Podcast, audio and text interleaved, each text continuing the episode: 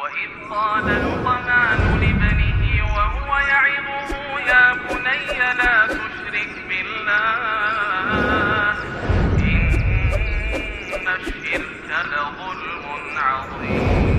وإذ قال لقمان لابنه وهو يعظه يا بني لا تشرك بالله إن الشرك لظلم عظيم.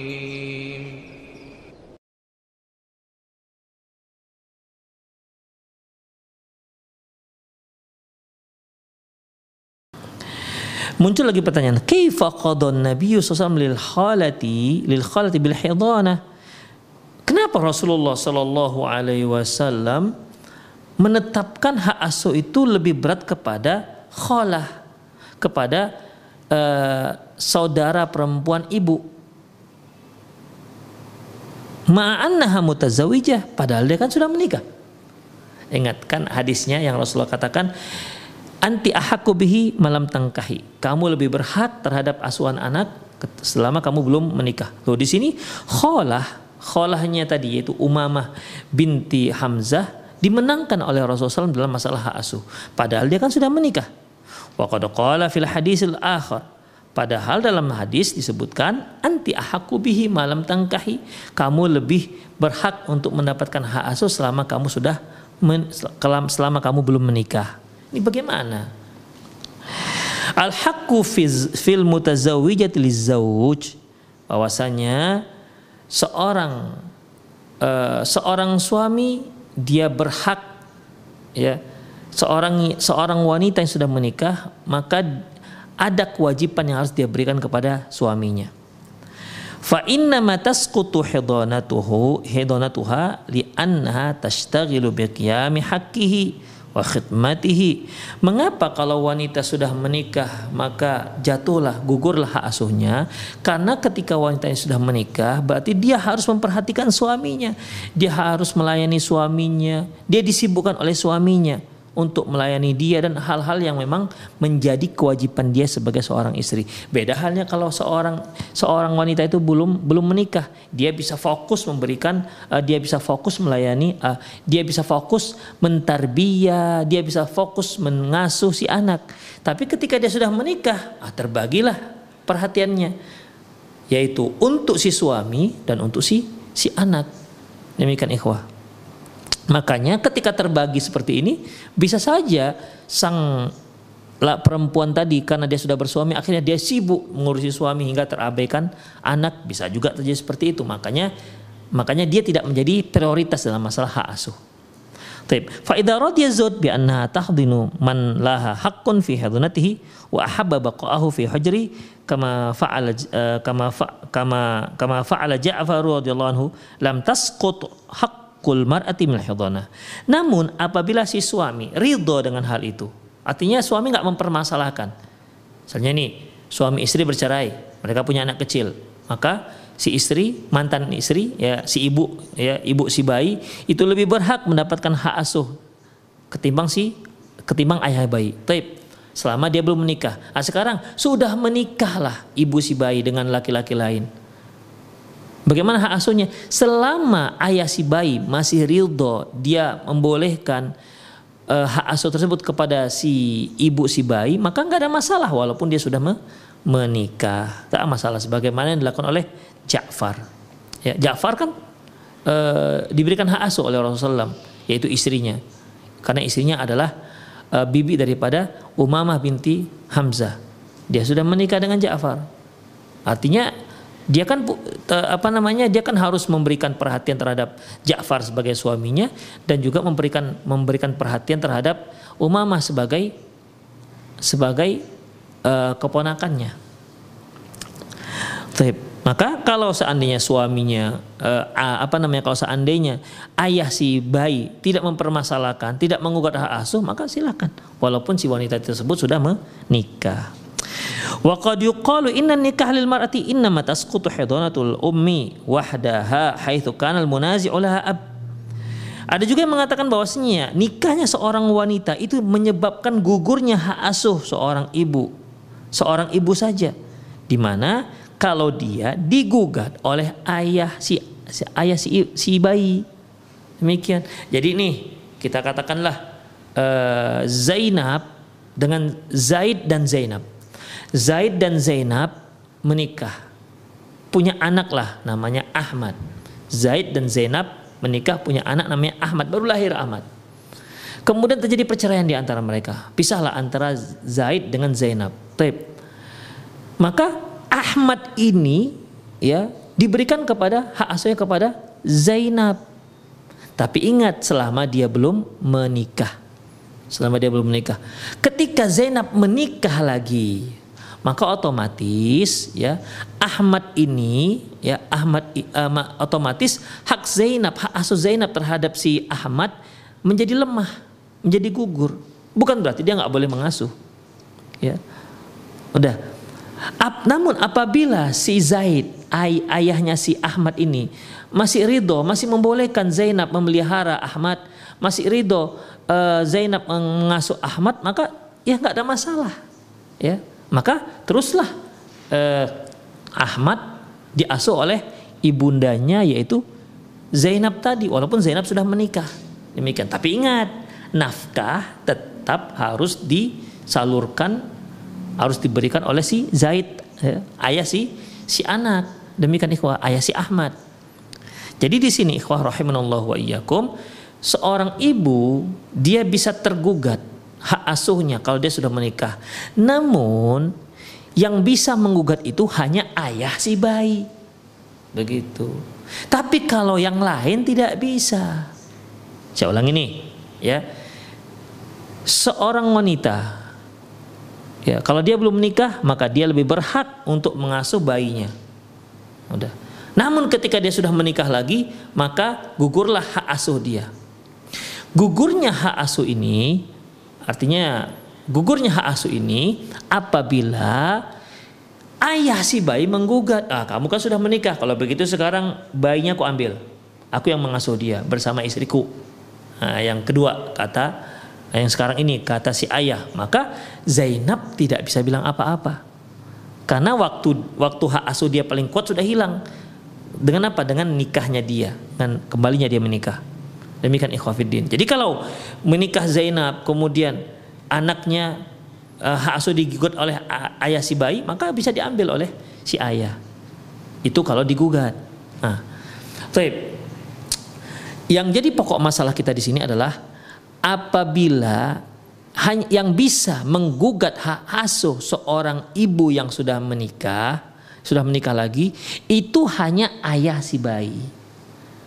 Adapun paman si bayi, keponakan si apa namanya uh, sepupu si bayi yang dari pihak ayah itu tidak bisa menggugat. Tetap ibu lebih berhak mengasuh anaknya walaupun dia sudah menikah. Itu ya, paham ya pemirsa? Saya ulangi lagi nih, semoga saya ulangi nih biar biar paham. Perhatikan, seorang ibu lebih berhak mendapat berhak mengasuh anaknya. Ya, selama dia belum menikah. Kalau dia sudah menikah, maka dia tidak mendapatkan hak asuh yang paling kuat.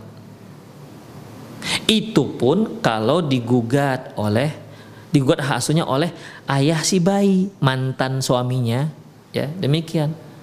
Kalau si si ayah nggak menggugat, maka lanjut dia bersama ibunya, walaupun si ibu sudah menikah. Dan ingat, yang bisa menggugat hak asuh seorang ibu yang sudah menikah lagi itu hanya ayah si bayi. Tapi kalau lelaki yang lain tidak bisa. Misalnya nih eh, ayah si bayi udah meninggal, tapi dia punya adik laki-laki. Jadi paman si bayi, paman si bayi ini menuntut hak asuh si bayi. Alasannya kenapa? Karena ibunya sudah menikah lagi. Enggak, enggak bisa dinuntut. Karena yang berhak menggugat hak asuh ini, yang berhak menggugat hak asuh seorang wanita sudah yang sudah menikah lagi itu hanya ayah si bayi, selebihnya tidak. Itu dia ikhwah. Wa amma ghairuha falatus fala yusqitu haqqaha minal hidanati litazwiji. Adapun yang lain tidak bisa menggugat. Walaupun si ibu sudah menikah, tetap dia lebih berhak. Ya, yang hanya bisa menggugat dia adalah ayah si bayi. Awil um munazaun laha ghairul ab. ataupun ibu ya di mana dia menggugat hak asuh tersebut. Baik. Selain ayah, wa yu'ayyiduhu ma 'arafa ma 'urifa min annal mar'atal annal mar'atal mutalliqah tashtaddu bag tashtaddu bughduha lizawjil mutalliqi wa man yata'allaqu bihi. Ya, sebagaimana yang sudah dimaklumi bahwasanya seorang wanita kalau dia sudah ditalak oleh suaminya maka dia akan marah dengan suaminya dan semua orang yang terkait dengan suaminya. Mungkin abangnya suami, ya keluarga suami apabila memang mereka mendukung perceraian tersebut. Ihmali waladiha minhu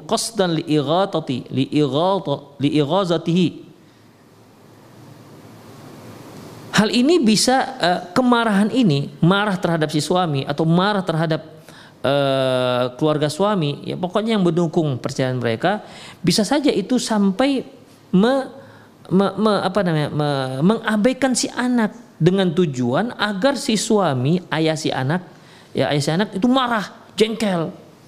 Wa tubaligu fi tahabbubi 'inda zawji sani bi haqqiha. Dan dan apa namanya? Dia terlalu mencintai si suami yang kedua ya untuk memberikan semua hak-hak suami sehingga terabaikanlah anaknya anak dari suami yang pertama demikian makanya lah ikhwah kalau sudah menikah ya ada orang lain suami yang pertama itu punya hak lebih kuat untuk menggugatnya jadi ketika seorang istri sudah menikah seorang wanita sudah menikah lagi ya seorang ibu yang sudah menikah lagi kan bisa saja dia disibukkan dengan suaminya.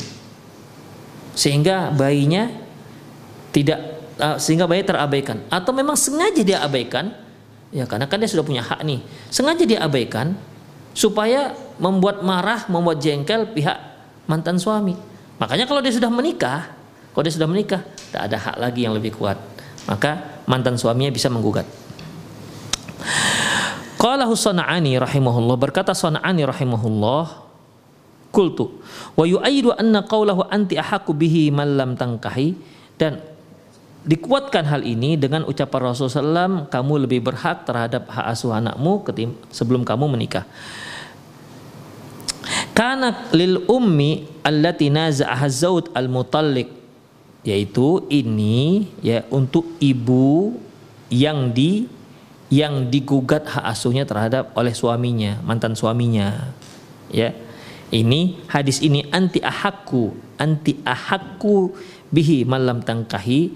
Rasulullah berkata kepada perempuan ya seorang ibu kamu lebih berhak mendapatkan hak asuh ketimbang mantan suamimu. Ini apabila mantan suaminya menggugat hak asuh. Ingin mengasuh anaknya juga. Ya. Jadi kalau seandainya si ibu si bayi sudah menikah maka suami menggugat maka bisa diambil oleh sang suami Kama fil hadis madhkur qabla sebagaimana disebutkan dalam hadis sebelumnya. Wa hadha madhhab ila Muhammad bin, uh, bin Jarir At-Tabari. Inilah yang madhab yang dipegang oleh Muhammad bin Jarir. Min annal hamil hadinah in kanat umman munazi'un lahal ab saqatat hadanatuha bitazwihi yaitu apabila ibu yang mendapatkan hak asuh jika dia sudah menikah dan dia digugat hak asuhnya oleh sang mantan suami maka jatuhlah hak asuhnya Wa in kanat khalah aw ghairuha min nisa'il hidanah lam taskut hidanatuha. Namun kalau yang menggugat dia adalah bibi-bibi si bayi, maka nggak jatuh. Tetap dia lebih kuat.